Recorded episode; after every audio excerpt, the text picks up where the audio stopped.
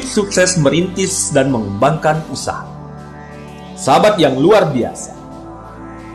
Sensus penduduk Indonesia menyatakan bahwa kenaikan jumlah penduduk sebesar 29 juta jiwa terhitung sejak tahun 2000 yang semula 202 juta orang kini di tahun 2010 menjadi 231 juta. Pengusaha properti terbesar Indonesia yakni Insinyur Ciputra dalam sebuah seminar entrepreneur di Universitas Gajah Mada memukakan bahwa dalam upaya mengatasi masalah kemiskinan dan pengangguran setidaknya diperlukan 2% saja dari jumlah penduduk ini yang menjadi pengusaha atau 4 juta pengusaha baru. Padahal saat ini bangsa Indonesia baru memiliki 400 ribu orang atau 0,18 persen yang menjadi pengusaha. Bayangkan berbeda dengan Amerika Amerika sudah memiliki 11,5 persen dan Singapura 7,2 persen pengusaha. Motivasi versus impian. Sahabat yang luar biasa.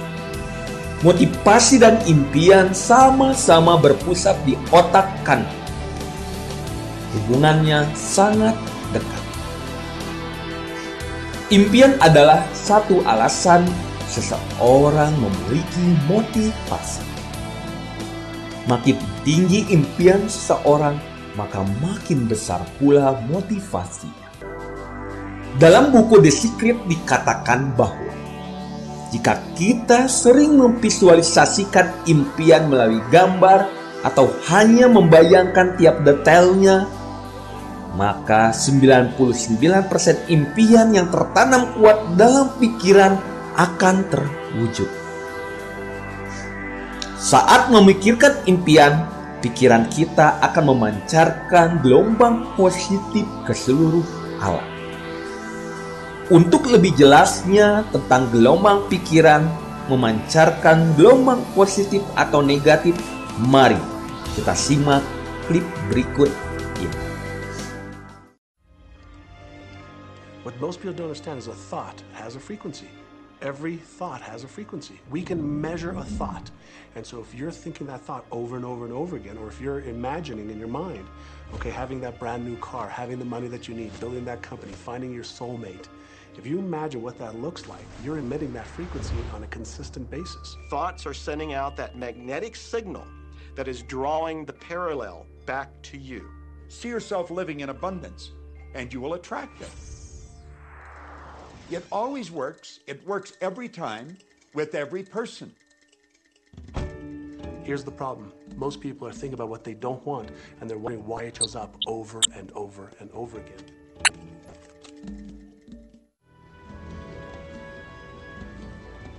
So when you're looking at that thing you want and you're saying yes to it, you're activating a thought. And the law of attraction is responding to that thought and bringing you things that match that. But when you are looking at something that you do not want and you shout no at it, you're actually not pushing it away. Instead, you're activating the very thought of what you do not want, and now law of attraction is lining those things up for you. And that principle can be summed up in three simple words. Thoughts become things. Kenalilah dua kunci kegagalan, yaitu tidak kuat impiannya dan dalam posisi menyenangkan. Sahabat yang luar biasa. Kebanyakan orang jika sudah merasa nyaman cenderung makin malas bergerak. Jika impiannya tidak kuat, orang tersebut mudah sekali mundur bahkan berhenti jika terjadi hal-hal yang tidak menyenangkan baginya. Anda ingin sukses berwirausaha, tapi belum tahu bagaimana memulainya? Maka solusinya adalah satu, Tulis dan visualisasikan semua impian Adapun langkah menulis dan memvisualisasikan impiannya adalah buat daftar tentang impian-impian Anda. Misalnya, berusahalah mendetailkan impian Anda dan buatlah susunan prioritasnya mana yang lebih dulu mudah dicapai menurut Anda, lalu masukkan ke tabel 3. Uji impian Anda apakah sudah smart. Smart adalah terdiri atas spesifik atau jelas. Buatlah tujuan yang jelas, tidak abstrak, dan mudah dimengerti. Measurable atau dapat diukur. Pengukuran akan memberikan bukti tentang apa yang sudah dan belum dicapai. Achievable atau dapat dicapai. Jangan terlalu muluk-muluk tetapi bukan berarti sederhana saja. Realistis atau masuk akal. Tetapkan tujuan yang logis. Berikutnya adalah timely atau tepat waktu. Gunakan waktu sebagai sumber daya. Semakin tepat waktu pencapaian tujuan, maka semakin banyak tujuan yang bisa dicapai. 4 buat peta perjalanan menuju impian kita.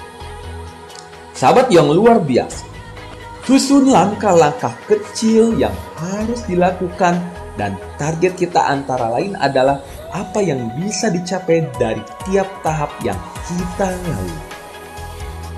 Jika semua langkah dan target antara itu disusun dengan jelas, maka akan membentuk sebuah peta perjalanan menuju impian kita. 5. Tentukan alat atau sistem kendaraan untuk mencapai impian kita. Pilih alat atau sistem atau cara dengan apa kita akan menempuh peta perjalanan kita. Sahabat yang luar biasa, pastikan bahwa dengan menggunakan alat atau sistem kendaraan tersebut akan menjamin kita berhasil melangkah melalui setiap tahapan dalam peta perjalanan dan pada akhirnya mengantarkan kita mencapai impian kita. 6. Fokuskan semua pikiran dan tindakan nyata untuk mencapainya. Ubah sikap diri kita mulai sekarang semua sikap, tindakan, dan pikiran difokuskan pada skenario peta perjalanan mencapai impian kita. Evaluasi setiap tindakan yang akan kita lakukan, apakah sesuai dengan skenario tersebut. Jika tidak, jangan lakukan. Jika iya, lakukan saat ini juga.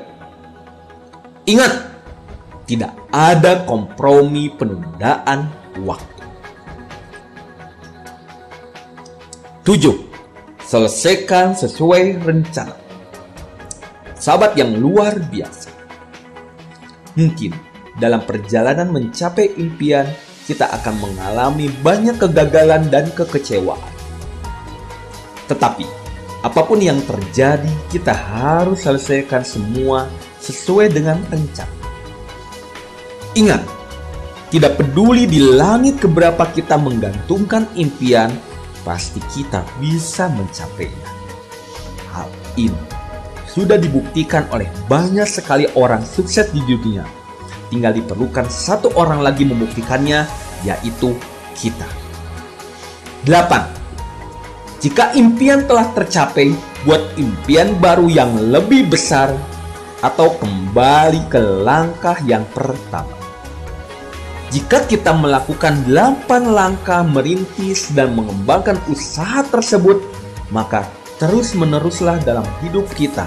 Jangan kaget kalau pada saat kita tersadar, kita sudah berada di satu titik kesuksesan di mana impian demi impian kita telah kita raih. Bagaimana memilih bidang usaha? Sahabat yang luar biasa, Menurut hasil survei dari Vegi Lambing menyebutkan Sekitar 43% responden atau wirausaha mendapatkan ide bisnis dari pengalaman yang diperoleh ketika bekerja di beberapa perusahaan atau tempat-tempat profesional lainnya. Sebanyak 15% responden telah mencoba dan mereka merasa mampu mengerjakannya dengan lebih baik. Sebanyak 11% dari wirausaha yang disurvei memulai usaha untuk memenuhi peluang pasar, sedangkan 46% lagi karena hobi. Apa contoh usaha yang bisa dirintis saat masih di bangku sekolah? Contoh usahanya adalah misalnya jualan pulsa, aneka kue kering, atau jasa pengetikan dan print foto. Contoh tempat strategis untuk merintis usaha adalah titip produk di kantin sekolah dengan sistem bagi hasil atau konsinyasi. Atau keliling menawarkan produk atau jasa ke teman-teman di sekolah. Bagaimana dengan modal usaha? Misalnya, tidak punya uang tabung, tidak dikasih pinjaman oleh orang tua atau saudara, tidak ada akses untuk pinjam ke bank. Mungkinkah merintis usaha tanpa modal? Ya, itu bisa. Di antaranya adalah menjadi seorang perantara jual beli. Misalnya perantara jual beli. Pulsa, handphone, aksesoris wanita, dan lain-lain. Bagaimanakah bentuk promosi yang efektif dan efisien? Di antaranya adalah dengan membuat brosur, membuat spanduk, atau membuat web atau FB di dunia internet. Atau juga melalui dari media mulut lewat mulut. Perluas jaringan teman. Sahabat yang luar biasa. Dengan silaturahmi, Anda akan lebih banyak belajar dari pengalaman teman-teman pengusaha yang sudah lebih dulu terjun ke dunia bisnis. Keuntungan lain Anda bisa mengembangkan jaringan seluas-luasnya. Karena kita akan berbisnis, maka Anda harus menjaring pasar untuk mengembangkan produk sehingga perusahaan Anda bisa berkembang pesat dan dikenal banyak orang. Apabila apa yang sudah Anda rencanakan dan Anda mimpikan tidak terwujud dengan sukses, maka langkah yang paling baik Anda ambil adalah bertawakal pada Sang Pemberi kehidupan.